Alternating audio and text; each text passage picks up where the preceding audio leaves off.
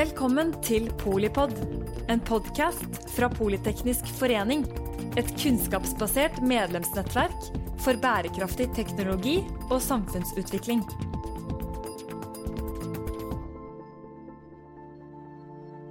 Nytt år, eh, nye muligheter eh, og nye trusler. Velkommen til eh, det årlige avsparket fra PF styrenettverk. Vi skal se på trender som det er verdt å få med seg, enten du sitter i styrerommet, rapporterer til styrerommet, eller på annen måte tenker at i år er året du skal kvale inn for en styreposisjon til eh, å forstå litt bedre om hva som blir viktig i 2022, så har vi eh, det eh, legendariske, vil jeg si, trendpanelet fra mm, direksjonen i Politeknisk forening. Det er Ole Jakob Sending, som er forskningsdirektør i NUPI. Det er Elin Borrebekk, som er digitaldirektør på BI. Og så er det Torstein Dale Skjøtveit, som er styreleder i Freyr. Batteries. Og så er det Anne Katrine Berger, som er samfunnspolitisk eh, direktør i NUP, ikke NUPI, men i NITO. Og for at uh, dette skal bli en uh, samtale som uh, også favner det tverrfaglige, vi er tross alt Poli teknisk forening, så har vi fått med oss påtroppende, ganske så fersk påtroppende samfunnspolitisk redaktør i E24, nemlig Torbjørn Røe Isaksen. God fornøyelse! Tusen takk for det, eh, og god morgen til alle dere hjemme. Eh, og til den håndfullen som vi har med oss her inne i ja, det som nå vel er et studio. Eh, man må vel kunne starte med å si da er vi her igjen. Altså i den forstand at vi sitter med avstand mellom oss. Vi sitter med nest, veldig få publikummere. Vi har ansiktsmasker på både når vi kommer hit og når vi ikke sitter på fast plass. Og vi er altså igjen eh, inne i et nytt år som eh, er preget av pandemi og korona. Og jeg lurte på om det kanskje kan være, dette er da spørsmål til panelet vårt, om det kanskje er det som kommer til å prege 2022. Om 2022 rett og slett kommer til å være mer og ikke da i den forstand som eh, man, eh, man har i de olympiske leker, hvor det er bigger, better, faster, more. Fordi at her kan det bli altså mer usikkerhet, mer Kina, mer usikkerhet internasjonalt, mer mindretallsparlamentarisme, mer eh, kamp for å nå klimamålene, mer polarisering og kanskje også mer pandemi. Eller det vet vi jo at det blir mer pandemi. Så hvordan vil dette se ut, og ikke minst hvordan vil det som foregår rundt oss påvirke det som skal skje i norske styrerom? Det er det vi skal forsøke å finne ut litt av i dag. Eh, og bare for dere som sitter og ser på, eh, så er oppsettet som følger. Først så får alle fem minutter det er nesten ikke noe tid, men fem minutter til å si litt helt overordnet om hvordan ting ser ut fra deres perspektiv. Og så har vi litt tid til en samtale. Eh, og så kommer det noen eh, tips, eh, en spissformulert tips til styrerommene helt til slutt. Og så er det viktig å minne om at det er også anledning til å sende inn spørsmål underveis. Eh, så, så, så, så det, det, kan man gjøre digitalt, selvfølgelig.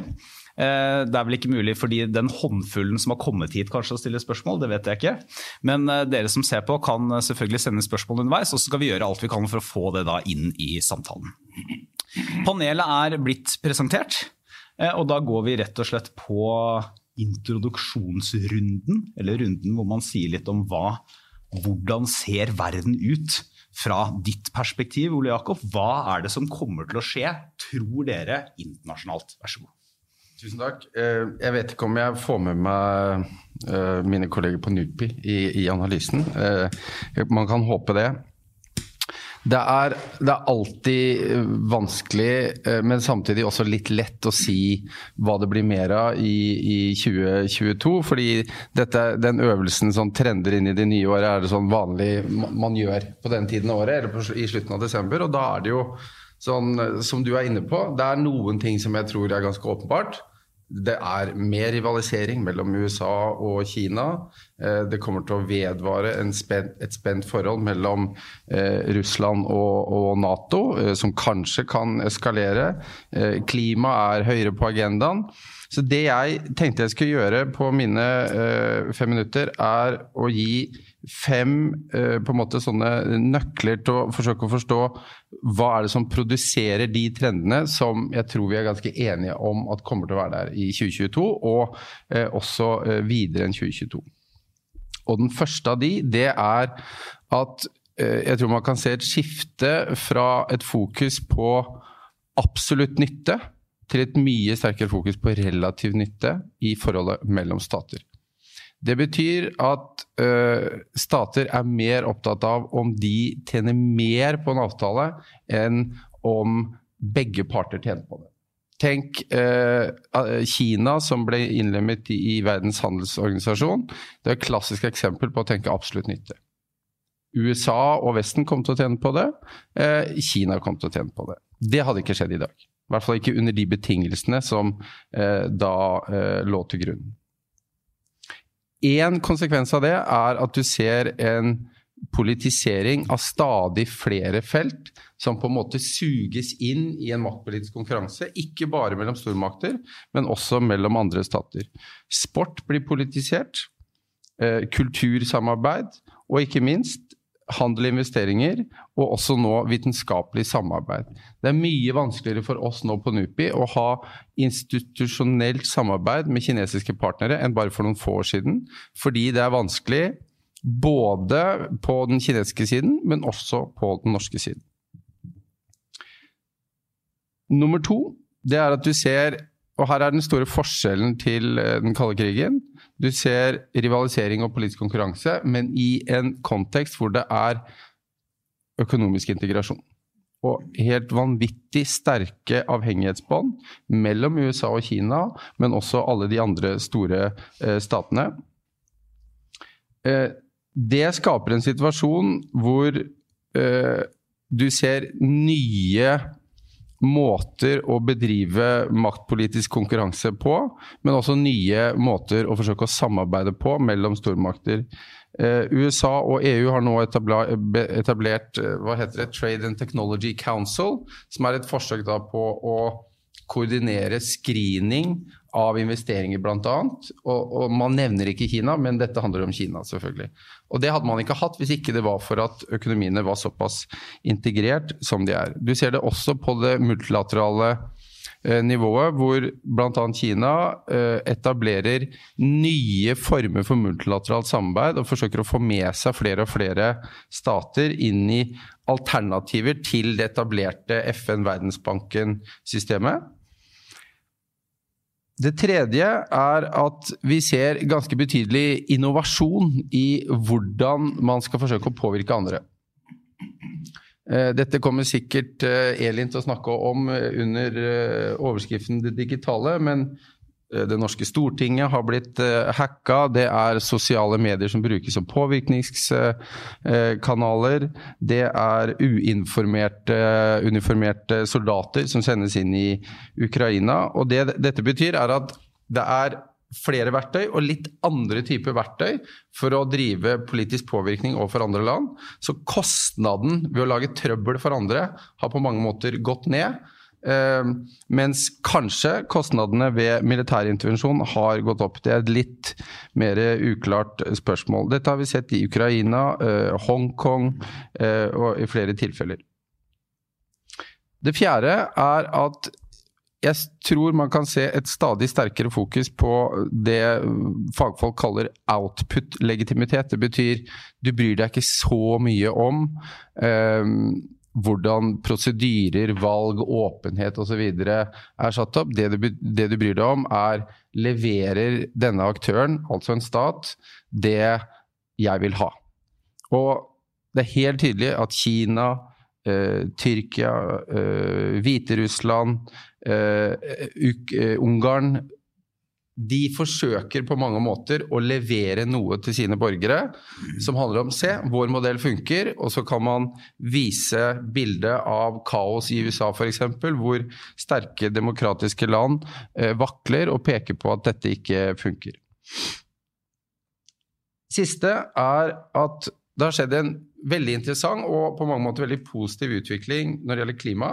Eh, klima har rykket opp i politikkens elitedivisjon. Og en konsekvens av det er at klimapolitikk har blitt industripolitikk. Når du hører norske politikere, europeiske politikere og amerikanske politikere snakke om klima og klimapolitikk, så snakker de egentlig mest om industripolitikk. Og dette er best uttrykt i, i EUs såkalte grønne giv, hvor det, det omtales som en, en klimasatsing, men også en satsing, strategi, for økonomisk vekst og det å skape arbeidsplasser.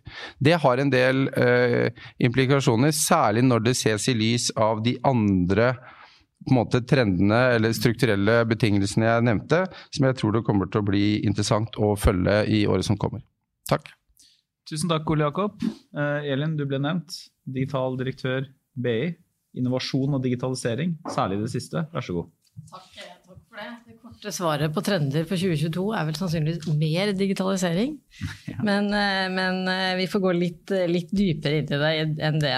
Det er egentlig tre, tre trender som jeg tenkte jeg skulle trekke fram.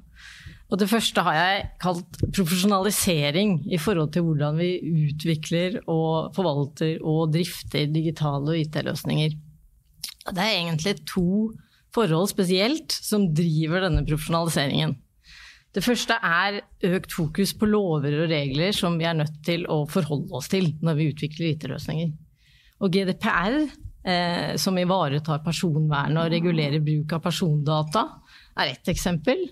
Et annet eksempel er regler for universell utforming, som skal sikre at alle borgere i hele landet kan bruke løsningene, ikke bare de, de store massene flere lover og regler som, som man etter hvert eh, må, har et, har, et, sterkere forhold til. Og det fordrer en profesjonell og strukturert håndtering av, av, av eh, IT-løsningene, det digitale. Det andre er jo selvfølgelig sikkerhet. Økt fokus på sikkerhet, som du var inne på, Ole Jakob. Eh, sikkerhet har jo vært i fokus egentlig over flere år. Eh, dessverre så har trusselsituasjonen økt tilsvarende. Og det går jo ikke lang tid mellom hver gang vi leser i media om større bedrifter som, som sliter pga. sikkerhetshull. Og for å håndtere sikkerhet på en god måte, så må man også ha en profesjonell eller strukturert håndtering av, av eh, løsningene. Det andre som jeg tenkte å, å dra fram, er det, det, jeg vil kalle effektive leveranser. Og det er jo heller ikke noe nytt. Det har vi jobbet med veldig lenge. Men vi har en par forhold nå som gjør leveransesituasjonen ekstra utfordrende. Og det ene er global transport- og komponentkrise. Leveransene av teknisk utstyr og infrastruktur tar nå veldig, veldig lang tid. Noe som forsinker oss i vesentlig grad på en god del eh, investeringer. Og det andre det er mangel på dyktige folk med rett kompetanse til å lage disse løsningene. Vi har en mangel på det i Norge. De fleste jeg snakker med, sliter med å rekruttere de dyktige ressursene som de trenger. Eh, og det betyr jo at vi er nødt til å jobbe enda smartere og mer effektivt med de ressursene vi faktisk sitter på, for å levere det som er behovet i virksomheten. Eh, den tredje trenden som jeg tenkte at, skulle, at jeg skulle dra fram, eh, det digitale og IT er i større grad eh, i ferd, i større og større grad egentlig, i ferd med å bli en integrert del av forretningsdriften i, i ulike bransjer. Og det er mange, mange, aspekter med det. Men det som er utrolig viktig for å få, få til gode løsninger, det er å bygge ned dette gapet vi ofte har mellom teknologene som lager løsningene, og forretningsressursene som sitter på behovet. Og hvis vi ikke klarer å få, å få, disse til å jobbe sammen på tvers av kompetanseområder og avdelinger, så er det vanskelig å ta ut verdien av det vi prøver og av det vi skal lage. Sånn at uh, matrisejobbing, det er nok den nye framtiden rundt digitalisering. Siloene, det tror jeg vi er langt på vei er ferdig med. Det var egentlig det jeg hadde tenkt å, å si. Tusen takk. Da går vi videre til deg, Torstein, som ja. vel her representerer også næringslivet på en måte. Ja. Eh, Vær så god. Takk skal du ha, Torbjørn, og takk for at jeg ble invitert. Godt nyttår til alle. Spørsmålet, jeg, har omformulert spørsmålet litt, tatt meg litt frihet, det pleier jeg å gjøre. Hva bør norske styrere og nasjonale politikere være opptatt av i 22? Eh, og jeg har da ikke tatt fatt i de 100 tingene som vårt styre er opptatt av. Jeg sitter altså med et, et, et, et amerikansk selskap, i hovedsak amerikanske styremedlemmer, så jeg kunne tatt fatt i veldig mange saker. Men jeg har lyst til å være litt navlebeskuende. Jeg har jobbet internasjonalt i, i 12-13 av de siste 20 årene, og syns jeg kan se Norge litt fra utsida. Så det jeg har lyst til å spørre om og svare på, og svare på det er hvordan skal vi skape en landbasert industri i Norge som etter hvert erstatter de, alle de jobbene som går tapt i, i olje- og gassnæringen. Og da har jeg lyst til å begynne med energi. Eh, Norge har vært velsignet med overskudd av rimelig og fornybar kraft nesten til alle tider. Og vi har bygget sterke internasjonale og konkurransedyktig landbasert industri basert på denne fordelen. Og nå er vi faktisk i ferd med å miste den fordelen i Norge. Kraftoverskuddet nasjonalt reduseres dramatisk pga. økt elektrifisering og eh, redusert utbygging. Ubalansen mellom nord og sør i Norge øker. Nesten halvparten av kraftoverskuddet vårt er i NO4, og det er, eh, altså det er transmisjonsutfordringer mellom nord og sør. Så vi ser store forskjeller i, i kraftpriser. Og motstanden mot nye kraftprosjekter øker år for år. Rasjonelle diskusjoner om nye prosjekter er helt forlatt. Motstanden bygges på følelser og et sterkt innslag av falske nyheter. Dette er trender som, som ikke er i styrerommene, men som er veldig viktige trender for å svare på spørsmålet vårt. Internasjonale investorer vil ikke investere i kraftkrevende industri i Norge dersom vårt fremste fortrinn, fornybar og rimelig kraft, ikke videreføres.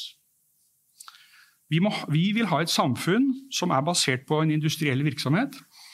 Da må Norge bygge ut mer fornybar kraft. Da har jeg lyst til å ta noen eksempler fra ulike energiformer. og Da har jeg tatt, en, tatt, en ris, tatt risiko på å snakke litt om kraftpriser. Er, eh, jeg har mye kompetanse på området, men det kan hende jeg gjør noe feil her. Men internasjonale investorer vil ha energipriser på 30-40 øre. Det er konkurransedyktige priser internasjonalt for nye prosjekter. Kostnad for kraft fra ulike kilder Ny vannkraft 40-100 øre, altså 40 øre til 1 krone, litt avhengig av type og størrelseseffektivitet. Solkraft 20 øre til 1 krone, 1 krone og 50, og 20 øre er ikke Norge, det er i Midtøsten. Vann, vindkraft på land 20-30 øre. Vindkraft til havs 50-75 øre. Atomkraft 75 til 1 krone og 50 øre. Nå hevdes det at man kan begynne å lage distribuerte atomkraftverk, og det er til langt lavere pris, og det høres ut som et eventyr.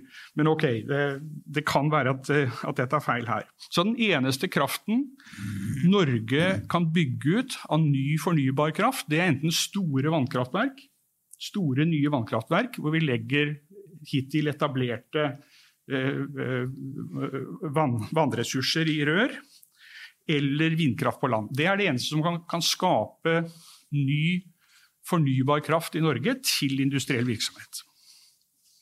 Så jeg har lyst til å bevege meg over på batteri. Hvorfor i all verden vil Norge ha så mye batterier? Hvorfor i verden ha så mye batterier? Elmotorer basert på batterier er betydelig mer effektive enn forbrenningsmotorer. Og da tenker jeg hele energikjeden. Forbrenningsmotorer, eller faktisk elmotorer basert på hydrogen, har en energieffektivitet på 20 til kanskje 40, la oss være snille og si 50% En total energieffektivitet. Elmotorer basert på fornybar direkte lading eh, inn i batteriet har en effektivitet på 80-95% Dette betyr veldig mye for store land som Kina og India og andre, og det burde bety mye for oss også. Men det er derfor etterspørselen etter batterier går så opp. I tillegg har, har batterier to andre veldig viktige bruksområder. Det er energilagring i fornybar kraft og nettsystemene kommer til å bli store batteripakker som skal hjelpe kraftsystemene våre å fungere. Og I tillegg så vil du og jeg, når effektkost på, batteri, på strøm eh, nå kommer for fullt, så er, eh, så er batterier i hjemmene en veldig viktig del av hvordan vi kan kontrollere våre egne kostnader. Frøyer har, skal, skal, produsere fra verdens mest miljøvennlige batterier i Norge, basert på fornybar vann- og vindkraft. Heldigvis ligger vi i NO4, så vi kan nå, vi kan nå et, Selv nå kan vi få kraftpriser under 30 øre på lange kontrakter. Vi planlegger å bygge inntil fem fabrikker. Den ene er under bygging. Den andre, de, nummer to og tre, håper vi å ta beslutning om i første halvår. De vil ha en, til sammen disse fem vil ha en produksjon på 35 GWh, eh, altså gigawatt-timer, batterikapasitet årlig. Satsingen vil skape omtrent 1500 nye arbeidsplasser i Nordland. Eh, og vi bygger med en helt ny produksjonsteknologi som gir betydelig reduserte investeringer, kraft og bemanningsbehov.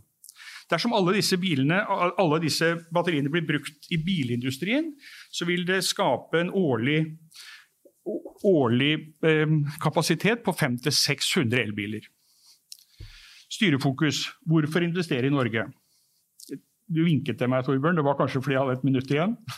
Ja, cirka. Går inn for landing. Hvorfor investere i Norge? Norge må kjenne sin besøkelsestid og satse på denne batteriindustrien. Det er nå slaget står om hvor disse fabrikkene skal plasseres i Europa og USA. Dette er fabrikker med titusenvis av arbeidsplasser. Og de, det er faktisk sånn at Rundt omkring i styrerommene i hele verden så bestemmes det nå hvor disse fabrikkene skal ligge. Norges konkurrenter, som Sverige, Finland, Tyskland, Frankrike, Polen og Ungarn, har alle lagt meget godt til rette for batteriinvesteringer i deres land. Norge kan fortsatt komme med, fordi vi har mange styrker som, de, som noen av de andre landene ikke har. F.eks. så har vi altså fornybar kraft. Det har ikke Ungarn og Polen. Vi har rimelig kraft hvis vi bygger ut mer. Vi har veldig gode industrielle tradisjoner. Og så har vi noe som nesten ingen utenfor Norge vet hva er. Det er et trepartisamarbeid. Men når vi snakker om konfliktnivå, så skjønner alle det. Hvor mye konflikter har industrien i, i Norge relativt til i andre land? Og det er lett å måle. I sum norske styrer og nasjonale politikere bør være opptatt av hvordan vi sammen skal skape en framtidig landbasert internasjonal og konkurransedyktig industri. Vi kan gjøre det. Det krever politisk mot, og det krever handling nå. Takk for meg. Fint. Tusen takk, Torstein. Da er det Anne Katrine fra må jo si den andre delen av trepartssamarbeidet, da, siden dette, det kom frem her, nemlig arbeidstakersiden. NITO organiserer jo primært ingeniører, eller det er vel nesten bare ingeniører. Mm, eh, vær så god. Takk. Eh, jeg kunne nesten sagt halleluja etter Torstein sitt innlegg. Eh, og så tror jeg at det er litt flere som kjenner til partssamarbeidet, men jeg tror fortsatt det er en, en veldig skjult uh, hemmelighet. Men jeg, jeg, har lyst til å starte med å beskrive noen tendenser, for jeg representerer jo fagforeningene. Og nå i NITO. Jeg skal ikke ta på meg hatten og representere de andre, men er det noe vi har sett, så er det jo at velferdssamfunnet har bevist sin verdi og funksjon. Vi har jo fått gavepakker i form av tiltakspakker fra regjering på flere milliarder. Vi har hatt muligheten til å kombinere hjemmekontor og ordinærkontor. Vi har fått vi har støtteordninger som gjør det mulig å ha syke barn hjemme. Altså, så velferdssamfunnet har bevist sin eksistens. Hadde jeg sittet i et styre i dag, så hadde jeg tenkt halleluja, takk og pris for at jeg er i Norge, og la oss fortsette med det og støtte opp om det velferdssamfunnet vi har og de ordningene vi har. Og når det er sagt, så syns jeg også er en annen tendens som har kanskje eh, befestet seg, og som Torstein var inne på, det er jo partssamarbeidet har virkelig bevist sin verdi eh, i det, den pandemien vi har hatt nå. Det har vært færre konflikter, det har vært mer løsninger. Eh, og hadde jeg sittet som styrerepresentant, så hadde jeg tenkt er min bedrift medlem av en arbeidsgiverorganisasjon? Er mine ansatte medlem av en arbeidstakerorganisasjon? Hvis ikke, så burde jeg kanskje sørge for at det skjer, for da blir det færre konflikter, og det blir flere løsninger, og bedriftene kan faktisk tjene mer penger. Eh, så det, der bør på en måte bedriftene se sin besøkelsestid. Og så har jo regjeringa lagt opp til nå at man kan få fradrag på skatten, så vi som representerer fagorganisasjoner, vi må jo jobbe for det, at flere organiserer seg. Men jeg syns fortsatt det er et stort rom for å, at flere bedrifter, særlig små og mellomstore, ser den verdien. Og så er det et annet trekk da, som vi var inne på. Hjemmekontor har kommet for å bli. Og her er det også viktig at eh, arbeidsgiverne ser eh, verdien av den, men ikke overutnytter det. Det er ikke en liksomfrihet. Eh, lederne må være obs på at ikke det betyr tilgjengelighet 24 timer i døgnet. Det får vi tilbakemeldinger om fra våre medlemmer, at det er viktig å være obs på det. Og så er det eh, organiseringen av arbeidslivet. Der ser vi også en tendens til det vi kaller der vi alle blir oppdragstakere eh, og ikke ansatte. Så der er det også greit å være litt obs på at ikke vi ikke får en kultur hvor, eh, hvor det blir eh, et skille, veldig sterkt skille mellom det å være ansatt og oppdragstakere, eller snarere tvert imot utydelig skille. Eh, og så er det eh, en annen tendens som vi syns har forsterket seg, det er at Norge fortsatt er avhengig av utenlandsk arbeidskraft. Eh, nå var det et innslag på NRK i helgen som jeg bøt meg merke i, som handlet om at polske arbeidere ønsket å være hjemme. De ville ikke dra tilbake igjen til Norge, for de får bedre betalt, de får bedre lønn i, i Polen. Og skal vi tiltrekke oss arbeidskraft, så må vi se nærmere på hvordan lønnssystemet er også for utenlandske arbeidstakere. Og så er det næringslivets kompetansebehov. Vi kan ikke unngå, altså Flere var inne på det. Elin var inne på mangel på rett kompetanse. Torstein var også inne på eh, dette med å, å, eh, batterivirksomhet. Ja, da trenger vi også rett kompetanse. Eh, og så var Ole Jakob inne på dette her med eh, eh, at, at klima egentlig handler om at det er en industripolitikk man etterlyser. Og Fellestrekk for alle disse her er at man trenger kompetent arbeidskraft. Og det vi ser nå, særlig innenfor fornybar, er at det er et skrikende behov etter den rette arbeidskraften, men man får ikke tak i den. Så hva gjør hvis jeg hadde sittet som representant i styret, hva gjør jeg da for å få tak i rett arbeidskraft? Jo, da må vi ha et tett samarbeid med, med, med utdanningsinstitusjonene. NITO representerer landets største studentorganisasjon. Linn som er leder, sitter i salen her. Eh, og hun forteller om erfaringer der det er et behov for å ha tettere at bedriftene kan innføre tettere samarbeid med studentene før de er ferdig, selv i en pandemi, for å sikre at man har rett kompetanse. Og så eh, tenker jeg at eh, hvis jeg går tilbake igjen til partssamarbeidet, så er også eh, samarbeidet med, eh, eh, med fagforeningene også betydningen av at det kanskje kan bli en ny vår for den norske modellen og partssamarbeidet, gjennom å dekke inn kompetansebehov på den måten. Vi har etterlyst fra regjeringas side at man skal få en kompetanseplan, rett og slett. Det høres kanskje veldig enkelt ut, men man, vi har den arbeidskraften vi har, og det er viktig at eh, såkalte sikkerhetshull, som Elin var inne på, at det blir dekket opp med rett kompetanse. Og så, når vi først er inne på kompetanse, så trenger vi en kompetansereform. Den, en reell kompetansereform. I dag er det veldig stor usikkerhet rundt finansieringen av kompetanse i arbeidslivet. Vi ser at en rekke arbeidsgivere er litt usikre på om de tør å satse på eh, å gi sine eh, ansatte etter- og videreutdanning, fordi de er redd for at de skal slutte med en gang. Den usikkerheten kan staten hjelpe til med å eh, redusere hvis vi får på plass en kompetansereform som er, eh, er reell. Eh, og, først, og, og, avslutningsvis da, så har jeg bare lyst til å si at eh, mangel på kompetanse handler jo også om eh, at man skal kunne knytte sammen eh, eller se nærmere på rekruttering. Vi jobber mye med rekruttering til realfag og til ingeniørene, eh, men der må man starte på et tidlig nivå og må man ha en systematisk plan for å sikre at den rekrutteringa blir reell. Flott, tusen takk. Da har vi fått noen, sånn, noen, perspektiver til å starte med. Det er jo ganske bredt, da, fra, fra, norske arbeidstakere til norsk næringsliv og de store internasjonale trendene og digitalisering.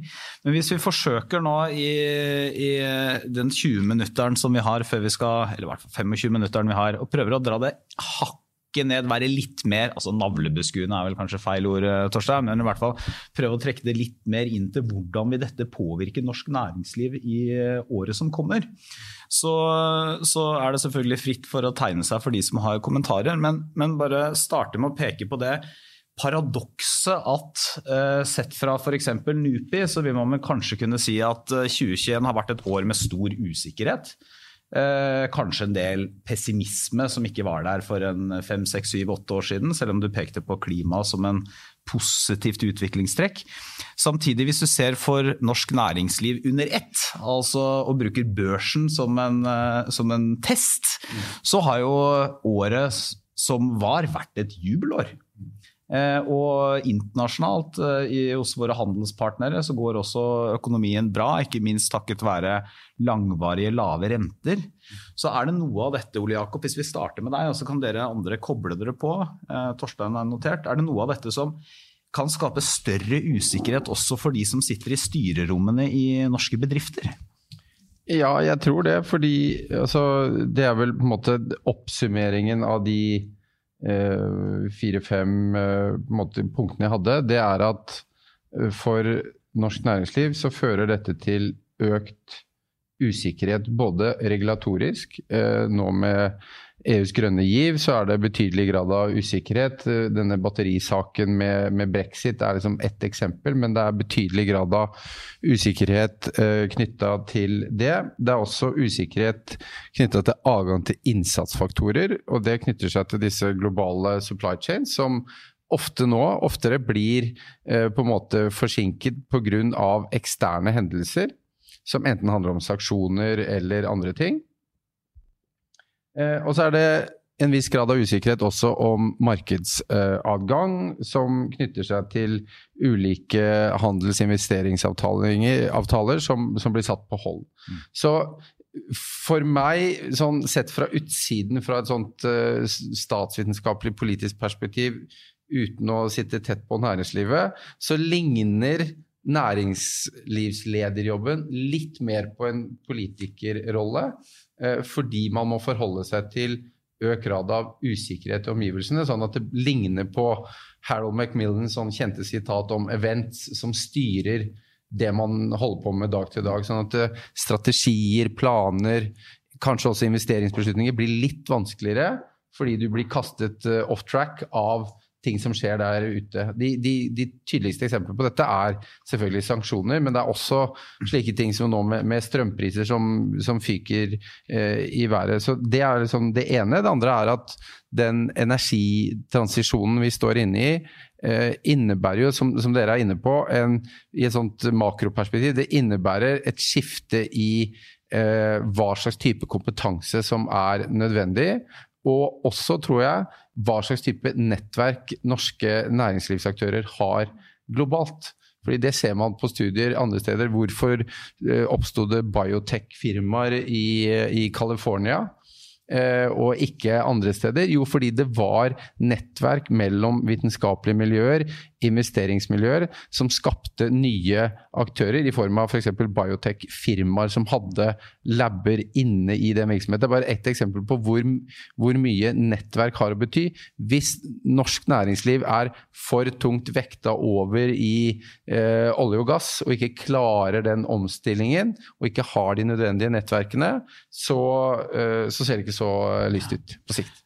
Kommer vi, hvis man, hvis man, forsøker å spå om fremtiden eller se inn i krystallkula, kommer vi til å fortsette å ha en utvikling hvor du både har økt rivalisering mellom USA og Kina, og samtidig eh, økonomisk integrasjon, som du pekte på? Ja, det, ja, det er jo sånn 100 000 kroner-spørsmålet. Jeg tror det. Det er veldig mye snakk om såkalt decoupling, altså at man lager to litt separate systemer. At man gjør seg mindre avhengig av uh, Kina fra et amerikansk eller europeisk perspektiv. Men jeg kan ikke helt se at det går uh, så langt at det blir en reell sånn frakobling uh, mellom det. Det er så tunge strukturer. det er Um, også fra EUs side. Pågående, nå er det satt på hold i parlamentet, uh, handels- og investeringsavtale. Så jeg tror at vi kommer til å fortsette å se fortsatt rivalisering. Uh, og uh, pågående økonomisk integrasjon. Om den blir dypere, vet jeg ikke, men den, det kommer ikke til å reverseres. Det tror jeg ikke. Torstein? Jeg, jeg syns det du har sagt, Ole Jakob, stemmer veldig godt med den, det bildet jeg har i mitt styrerom av, av hvor, hvor Frøyer er i dette bildet. Jeg tror veldig sterkt på at vi øh, og Derfor har vi engasjert oss både i Norge, vi har engasjert oss innenfor EU og engasjert oss i USA for å bygge, for å bygge lokal, lokale batterier.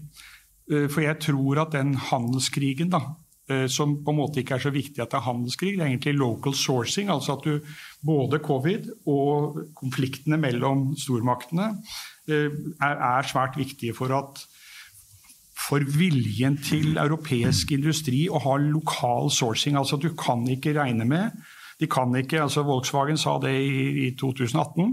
Den største trusselen vi har mot, mot, europeisk bilindustri, det er at vi gjør oss avhengig av kinesiske batterier. Og at politbyrået i 2025 sier at nei, nå eksporterer vi ikke batterier lenger, nå, vi, nå eksporterer vi biler. Så, sånn, at, sånn at, uh, dette er en enorm strategisk mulighet for oss og veldig mange andre. Ikke for at 100% av batteriene skal produseres i Europa, men det, men det er kanskje 50-60% av de produktene industrien og befolkningen i Europa og USA trenger, ønsker man å produsere lokalt. Av mange, av mange, grunner. Både medisinske, altså pandemigrunner, men, men ikke minst handelskrigen. Så jeg synes det, det du sier er ikke noe trussel. Det er en fantastisk mulighet som vi bruker, og som gjør at vi lett hentet penger i USA for å bygge disse fabrikkene. Fordi, fordi investorene tror på det samme bildet. Og denne la oss kalle det straffetollen, for å gjøre det litt enkelt, da, eh, på batterier produsert i Norge. Ehm, hvor alvorlig er det?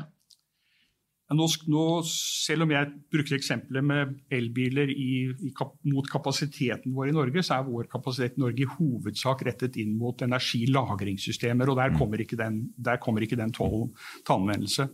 Jeg må vel si det at uh, vi har jo som selskap både sett på den gryende EØS-motstanden i Norge, pluss den brexit-skatten som, som ble klart på begynnelsen av dette året. Og, og da, var veldig, da, var jo jeg som styreleder veldig glad for at vi hadde jobbet med Finland over lengre tid. Og kunne gå og kunne ta, eh, ta våre planer og si at eh, vi bygger enten i Norge eller i Finland. Så skal vi bygge mot bilindustrien, så kan det nok hende det blir i Finland eller Sverige. For å være helt sikker på at vi verken har en EØS-diskusjon eh, som, som, på en måte kan påvirke oss i, i et 20-årsperspektiv eller at vi, får, at vi da blir rammet av en, av, en, av en, bilskatt. Så det er en alvorlig sak uh, sett fra mitt perspektiv, men, men, ikke for oss som selskap. fordi vi, jo, vi kan investere der det passer oss. Mm. Anne Katrine? Eh, vi snakker jo mye om usikkerhet her. og eh, Det som er eh, mitt utgangspunkt og Nitos utgangspunkt, er jo at et av de største konkurransefortrinnene som Norge har, er jo partssamarbeidet. Og Hvis du sitter i en styre, sitter som styreleder eller direktør i en bedrift, så er vårt råd utnytt det partssamarbeidet i litt større grad. Altså, norske arbeidstakere er kompetente, lojale og kjempeviktige ambassadører for sin bedrift, men det går an å, å samarbeide tettere med, med fagforeningene om det. Eh, og det ser vi. Vi har over 7000 tillitsvalgte i, i, NITO, og vi har hatt jevnlig kontakt og dialog med de nå under krisa. Og det kunne vært masse flere konflikter eh, hadde det ikke vært for at man da hadde et tett samarbeid med fagorganisasjoner. Men det vi ser er at samarbeidet er veldig tradisjonell art. Det går an å løse flere utfordringer som bedriftene har innenfor kompetanse og også andre områder. Og de fleste fagorganisasjoner har jo også internasjonale samarbeidspartnere som gjør at de tingene som har tatt opp nå med straffetoll og andre ting, vi har ulike måter å kunne løse det på gjennom den kompetansen som fagorganisasjonene har. Så jeg har lyst til å liksom reise den eh, fakkelen nok en gang, for det blir ikke utnytta godt nok, eh, det partssamarbeidet vi har. Så det, eh, og vi ser også det av de som er organisert eh, hos arbeidsgiverne, blant de små og mellomstore bedriftene, så er det ganske få, faktisk. Det er fortsatt stort rom for det. Så arbeidstakerne er utrolig kompetente og lojale, og de, er, de ønsker å løse bedriftens behov, rett og slett. Så det må vi ikke undergrave som konkurransefortrinn. Men det, kan vi pirke litt mm. allikevel i det, hvis vi skal være litt sånn djevelens advokat? For ofte så, vi jo, så sier vi at den norske modellen den er veldig god, og det tror jeg alle her er enig i, og så, og så stopper vi der. Men, men, klarer den norske modellen f.eks. å trepartssamarbeide og håndtere økt polarisering, for å bruke et eksempel som, eh, som Torstein nevnte, rundt kraftutbygging f.eks.? Eh, som jo er et, et, godt eksempel på en sak hvor, hvor, flere av de faktorene som vi har snakket om i dag, digital informasjonsspredning, skepsis til en elitekonsensus, polarisering, eh, også reelle diskusjoner om hva kraften skal brukes til, og bo- og nærmiljøer, samles i en veldig, egentlig en potent grasrotbevegelse. Og hvilken, i den type betente spørsmål, klarer den norske modellen og trepartssamarbeidet å, å spille noen rolle eller løse opp de problem, problemene? Altså, hadde jeg vært et regjeringsmedlem eh, og sittet og bala med dette her, så hadde jeg umiddelbart tenkt hm, hvilke instanser er det jeg ikke har brukt. Og de fleste fagorganisasjoner har jo et internasjonalt samarbeid som, til, som tilsier at man har kompetanse og innsikt fra andre nasjoner om hvordan eh, problemet kan løses på en annen måte.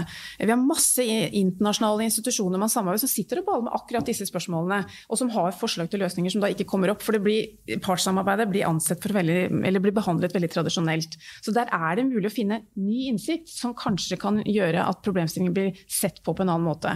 Det tenker jeg er ganske viktig sett i denne debatten. Så har jeg bare lyst til å spille inn én ting til. Norge er et av de få land som har eh, stått mange hundre, mange hundre men titalls tusen utafor arbeidslivet. Vi har 124 000 mennesker som er helt eller delvis arbeidsledige. 60 000 av de er helt uten jobb. Så når, eh, norske, eh, når norske, ledere innenfor bedrifter sier å, vi får ikke den kompetansen vi trenger, i tillegg til å bale da, med disse internasjonale utfordringene, så kan man faktisk se litt på samfunnsansvaret. Og kan jeg tilegne, kan jeg trene opp noen av disse som står helt utenfor arbeidslivet, for å sørge for å dekke nasjonale behov? Nå tok jeg et lite hopp fra spørsmålet, bare for å utnytte muligheten. Men det fins iallfall gjennom partssamarbeidet muligheter for innsikt som ikke har kommet fram i debatten. Det, det, store spørsmålet her, det er jo hvordan, eller Et av de store spørsmålene er hvordan disse internasjonale trendene påvirker norsk næringsliv. Digitalisering er jo nå Vi diskuterte, diskuterte det i stad med Ole Jacobs resonnement. Altså det jo, henger jo intimt sammen med internasjonalisering også. Hvordan, hvordan, både i 2022 og fremover, hvordan slår dette inn i norske styrerom? Og skjer det noe som jeg spør, jeg spør, deg ikke om du kan spå om fremtiden, altså, men, men, men det å, det, ligger det noe i, i, i, stien fremover her som kommer til å være uventet eller mer utfordrende enn, utfordrende enn det vi har vært gjennom til nå? Det er, jo, det er jo, som du er inne på, vanskelig, vanskelig å spå øh, om det man ikke vet hva er. Eh, men det jeg tror vi ser, er, er at det blir mer av det samme. Altså Digitaliseringen har medført Eh, vi er mer eksponert for trusler nå enn det vi var tidligere. Og da får eh, sikkerhetshull og sikkerhetsbrister større konsekvenser både for virksomheter og for, og for samfunnet for øvrig. Så, sånn at det blir, når, når det digitale blir viktigere, så blir det også konsekvensene av, av alle de tingene vi, vi bærer litt mer på bakrommet da, innenfor teknologiorganisasjonene som, som lager disse tingene det får rett og slett større konsekvenser og, og, mer oppmerksomhet. Og det er klart at I forhold til internasjonalisering så er det jo sånn at det digitale er jo i bunn og grunn eh, baserer seg ikke på landegrenser. Så trusselaktører som ønsker å, å ramme med løsepenger eller, eller for så vidt andre, andre, ting også, kan sitte hvor som helst. Og det, det gjør at, at, vi blir eksponert mot resten av verden da, på en helt annen måte. Det slår jo også på styrerommet. Eh, men når norske bedrifter sitter og vurderer, og norske styrer sitter og vurderer hvordan de skal håndtere dette, så, så er jo et av resonnementene som har kommet fram her, er jo også at internasjonale trender kanskje i større grad vil slå inn. Altså man må være mer politiker, som Ole Jakob sa, eh, som en spissformulering. Bare for å ta, en, ta et anekdotisk eksempel. Et, eh, et større, eh, faktisk veldig stort, eh, selskap på, innenfor mobilteknologi bl.a., eid i, fra Kina som jo fikk eh, store problemer internasjonalt i mange land for bare noen år siden, og som sikkert eh, også påvirket norsk næringsliv. Altså må, spørsmålet mitt er egentlig må, må styrerommene vil de også måtte tenke over både politisk risiko og annen type risiko knyttet til hva de kjøper inn, hvem de har som tjenesteleverandører, hvordan de organiserer digitaliseringsarbeidet sitt? Ja, absolutt. Og det tror jeg de, de på lang vei allerede også gjør. Denne typen vurderinger. Det er klart at det å gjøre denne typen vurderinger, det forutsetter jo at man har kapasitet og kompetanse til å gjøre det. Og det kan være krevende for en mindre bedrift. Eh, sånn at organiseringen, og når det gjelder digitalisering, så eh, det er for så vidt mange aspekter som til dels jobber litt mot hverandre, men, men det finnes stordriftsfordeler innenfor digitalisering. Så er aber at hvis man, hvis man sentraliserer for mye, så mister man kontakten til de som skal bruke det. Eh, som heller ikke er bra. Men det er stordriftsfordeler. Og organiseringen av hvordan vi lager digitale løsninger, eh, tenker jeg det er viktig å se litt på fremover. Både i bedriftene, men, kanskje spesielt i det offentlige. hvor enhver kommune sitter med dette ansvaret selv og tilbyr tilsynelatende ganske like tjenester til, til eh, innbyggerne. Så, så absolutt. Det, det, bringer oss kanskje over til et eh, Hvis ikke det er noen av dere som Jo, Torstein først, så kan jeg bringe inn et nytt tema. Ja, det, eh, dette trigger meg inn på en litt annen variant av det dere nå snakket om. og det er I, i mitt styrerom så er selvfølgelig uh, sammensetning av partnerskapene våre. Hvem er det vi par partner with? Amerikanske teknologiselskaper, kinesiske uh, teknologiselskaper japanske teknologiselskaper, og hvordan samvirker dette? altså Hvilke trusler og muligheter gir det oss? Det er en aktiv del av vår styrehverdag. I, i tillegg så, så ser vi jo ESG, som vi ikke har snakket om, og som jo alle styrer jobber mye med. Eh, og som også er en del av det samme problemstillingen.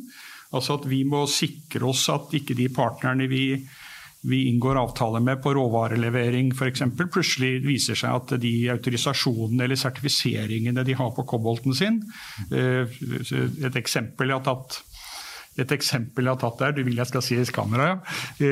et av eksemplene jeg har tatt på, på, på koboltleveranser, er jo at vi har jo nå sertifiserte gruver i, i Kongo.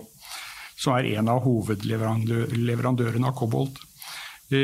Eh, og jeg, det jeg er redd for, siden vi aldri kan dra Vi kan ikke dra inn i jungelen i, i, i, og se dette med egne øyne, så vi må stole på selskaper som PwC eller på andre konsulentselskaper som sertifiserer at dette er i henhold til en global ESG-strategi. Og da bare tar jeg et eksempel. Vet vi da at ikke i løpet av natten at det kommer artisan-trillebårer eh, fra omkringliggende gruver og, og, legger det inn i de samme, i de samme eh, produksjonsområdene da, som er blitt sertifisert. Eh, slike, slike, ting har jo jeg gjennom mine år i industrien. Så har det alltid vært sånn at du kan dra til gruven, du kan se hvordan det ser ut, og du kan være der over natten hvis du vil og se om det kommer noen trillende inn. Vi, Hydro var stor eier og er fortsatt stor eier i den største bauksittgruva i verden, som vi på 1990-tallet ble veldig utsatt for kritikk, med all grunn, men som nå drives som et av verdens aller beste gruveprosjekter. Så, så, det er veldig mange ting som styrene er opptatt av. Og barnearbeid er, er diskutert i hvert eneste styremøte i Frøyer. Hvordan unngår vi det? Hvilke, hvilke mekanismer har vi for å unngå det? Og, og, både barnearbeid, CO2 og alle mulige ting. Så, mm. så, det er en del av det samme viktige bildet for styret. Da. Mm. Jeg tenkte vi skulle bevege oss enda et sted. Altså, nå er vi jo hjemme og ute, men det er jo tross alt, vi, jo, vi har jo en, et politisk Norge. Eh, som, som, de fleste av oss kjenner godt. Eh, som har som oppdrag å håndtere disse utfordringene, i hvert fall på vegne av storsamfunnet Norge. Så jeg tenkte vi skulle bevege oss bare de siste, siste minuttene litt mer inn på hva er det vi kan gjøre her i Norge? Hva burde regjeringen Støre gjøre? Eh, og så er det jo greit å ha i, i, mente også for de som ser på. For det første må jeg minne om at dere kan sende inn spørsmål hvis dere vil. Men så er det greit å ha i mente at vi er jo nå igjen inne i en situasjon hvor uh, hvor vi har en mindretallsregjering. Det har jo på mange måter blitt normen i Norge. Eh, det var det før eh, Stoltenberg-regjeringen kom, og så har det i praksis også vært det under Solberg-regjeringen, nå også under Støre. Men det gir jo en på en måte litt mer uforutsigbar politisk situasjon. På den annen side større muligheter også for å gjøre endringer og justeringer i Stortinget etter at regjeringen har bestemt seg. Men hvis man skal peke på noe som regjeringen Støre og stortingsflertallet burde gjøre, kanskje kanskje få med brede politiske kompromisser også, det er vi ofte glad i i Norge. Eh, hva ville det være? Eh, jeg tenkte jeg skulle starte med deg, Anne Katrine, for du hadde, du hadde et par stikkord knyttet til det i innledningen din. Eh, for det første så er det jo samarbeid er jo det som er løsningen på det meste, etter min mening. Så fortsette partssamarbeidet, det trenger man jo ikke å si til en Arbeiderparti-ledet regjering, men allikevel er verdt å understreke det, for partene i Norge er jo mange. Eh, Så det å invitere bredt partene til et samarbeid tror jeg er utrolig viktig. Og så er det det å få på plass en kompetansereform. Altså Det er en stor mangel på rett kompetanse. eh, Og eh, vi ser at bedriftene sliter veldig. Vi hadde et møte med Freyr for, for rett før jul. Ikke sant? Trenger 300 ingeniører med den rette arbeidskompetansen og utdanningen. Hvordan få til det?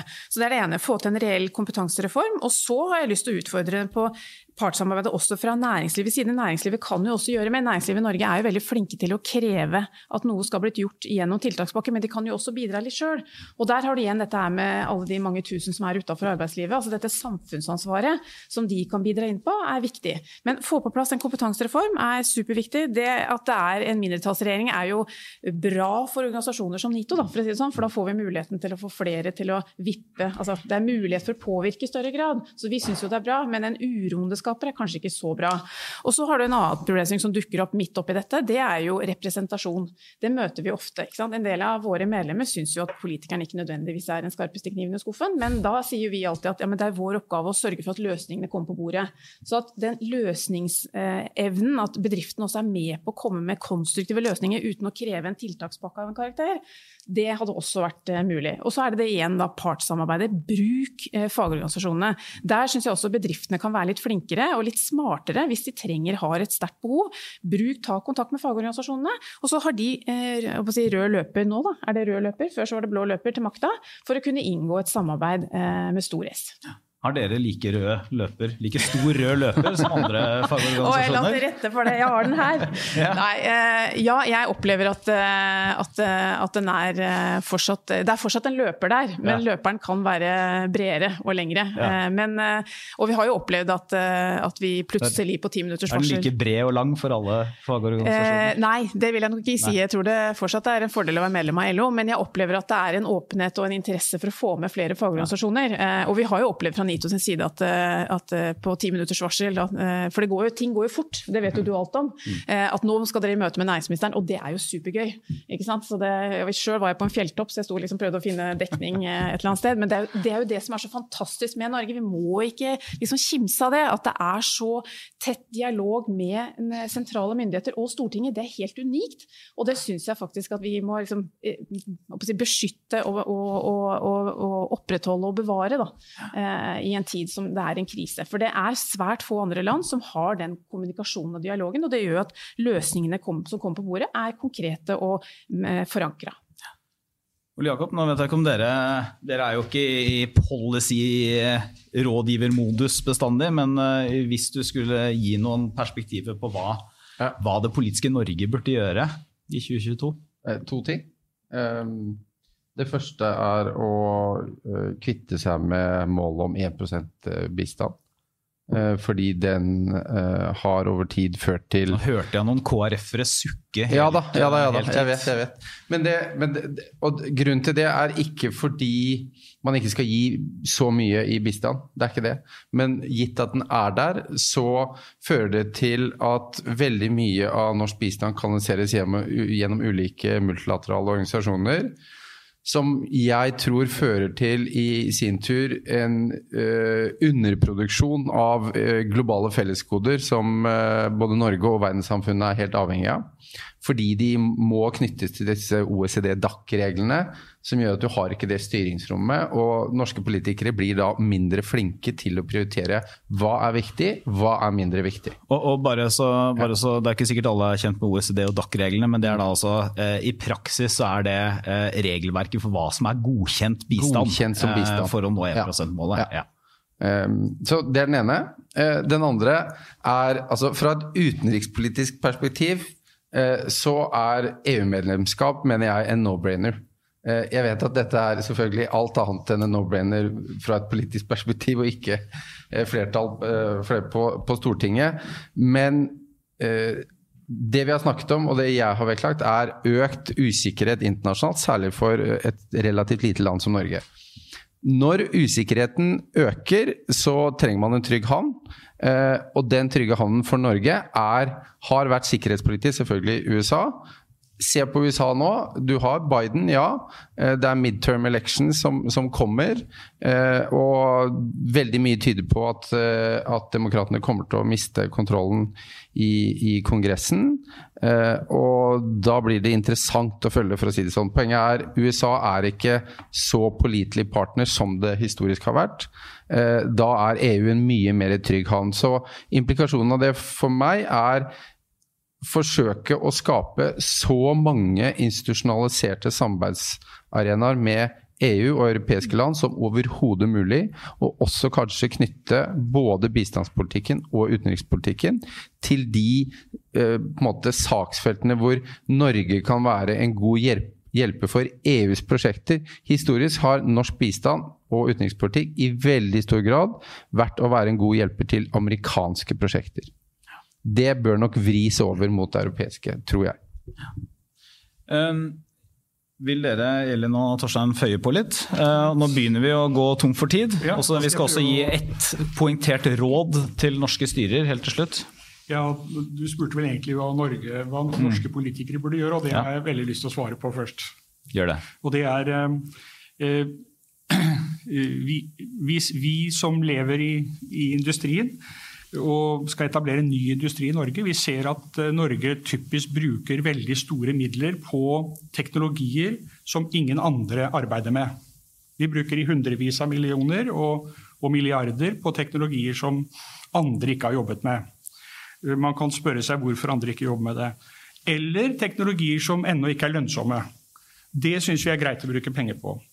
Mens det EU gjør, det er at de sier at kom til oss og start å produsere batterier. Vi stiller med 50% statlige garantier i alle land i EU for å bygge en batterifabrikk. Så, så det vi utfordrer Eksfin til, da, det er at de skal være med på et sånt løp og, og sørge for at Norge er konkurransedyktig. Takk. Flott. Ellen? Jeg har også ett et poeng. Det jeg eh, synes man bør bruke tid på, det er å, å, finne en god modell som setter kommunene i stand til å bruke digitale, eh, digital teknologi for å forbedre og effektivisere leveransene. Og, det kanskje mest åpenbare feltet er jo helseteknologi. Der er potensialet enormt. Men kommunene, selv de største, har ikke nødvendigvis kompetanse og kapasitet til å håndtere dette. Og det sliter også, også selskapene i næringslivet som, som vil levere inn eh, med. Så det å finne en god modell for, for kommunene i forhold til teknologi, det, det tror jeg hadde, hadde gjort mye. Ja. Nei, nei, selv de største som sagt sliter litt. Den tror jeg ikke Vi får ikke tid til både EU-medlemskapsdebatt og kommunereformdebatt eh, når vi har fire minutter igjen. Eh, da skal vi eh, veldig kort, og da er det én setning hvis man skal oppsummere et råd til norske styrer. Eh, Anne Katrine, jeg tror jeg mistenker hva, hva du vil si? Ja, det er jo mer samarbeid med fagorganisasjonene og organisere seg sjøl. Det er løsninga på det meste. Og samarbeid med utdanningsinstitusjonene. Vi studentene i dag er jo de som har tatt eh, prisen for eh, krisa. Sørg for at de har en utdanning som gir de jobb etterpå, og at innholdsmessig så kan, kan styrene gjøre mye for det. Så samarbeid, samarbeid, samarbeid. Ole Jakob? Uh, jeg hadde nesten på å si 'prepare for the worst'. Jeg, det, jeg mener ikke det, altså. Uh, men, men ha en, en, en forsikringspolise uh, på et eller annet vis, som betyr vel å sikre seg at man ikke blir altfor avhengig av leveranser fra, fra et land eller et selskap. Ellen? Altså Et styre har jo både en strategisk funksjon og en kontrollfunksjon. Og innenfor det digitale så har nok kanskje kontrollfunksjonen hatt mest fokus Eh, så langt. Så jeg håper at vi kan dreie fokus litt når det gjelder det digitale styret over på hva det betyr for forretningsutviklingen og hvilke, hvilke muligheter som ligger der. Torstein? Vi er jo flinke i Norge til å måle diversity i styrene våre. Og med kanskje en, en, et element som ikke er kommet med i diversity ennå, men som jeg virkelig mener at norske styrer må ta inn over seg, det er å få et internasjonalt perspektiv inn i styrearbeidet. Da tror jeg vi kan oppsummere dette før vi gir ordet til eh, til Mette og Politeknisk forening for å, for å, si takk og avslutte, så tror jeg vi kan oppsummere dette med det, det agnet som Ole Jakob la ut, nemlig den britiske statsministeren Harold Macmillan, som ble spurt hva som hadde preget hans tid som statsminister av en ung journalist. Og så sa han 'events, dear boy'. Events, altså begivenheter. Eh, og hvis man spoler tilbake noen få år, så var det ingen av oss som hadde sett for oss eh, at vi skulle ha brexit eller Trump, og i hvert fall ikke en pandemi. Og det er nok det eneste vi kan si helt sikkert, er at i løpet av 2022 så kommer det til å skje noe som ingen av oss har forutsett, og som kommer til å prege oss på en eller annen måte. Så tusen takk til, eh, til dere og for oss i panelet. Da gir jeg ordet til deg, Mette. Tusen hjertelig. Det er jo jeg som uh, må takke. Jeg har fått fem uh, veldig uh, klare råd, i, enten du er i styrerommet eller du er egentlig hvor som helst i Norge, vil jeg si. Det var noterte flittig. Men det, kanskje den no-braineren som ingen av dere sa, det var jo selvfølgelig å følge med på alle disse hundrevis av aktivitetene i selveste Politeknisk forening. Da holder du deg oppdatert, og da er du både forberedt og kanskje ikke minst connected, sånn at du kan løse de, det som måtte oppstå, enten det er muligheter eller uh, trusler. Hjertelig takk til uh, påtroppende samfunnsredaktør i E24, Torbjørn Røe Isaksen. Hjertelig takk til Ole Jakob eh, Sending, som er eh, forskningsdirektør på NUPI. Til Elin Borbekk, som er eh, digitaldirektør på BI. Til Torstein Dale Skjøtveit, som er styreleder i Frøyr, har vi lært at det heter nå. Veldig fint. Og til Anne Katrine Berger, som er samfunnspolitisk direktør i NITO.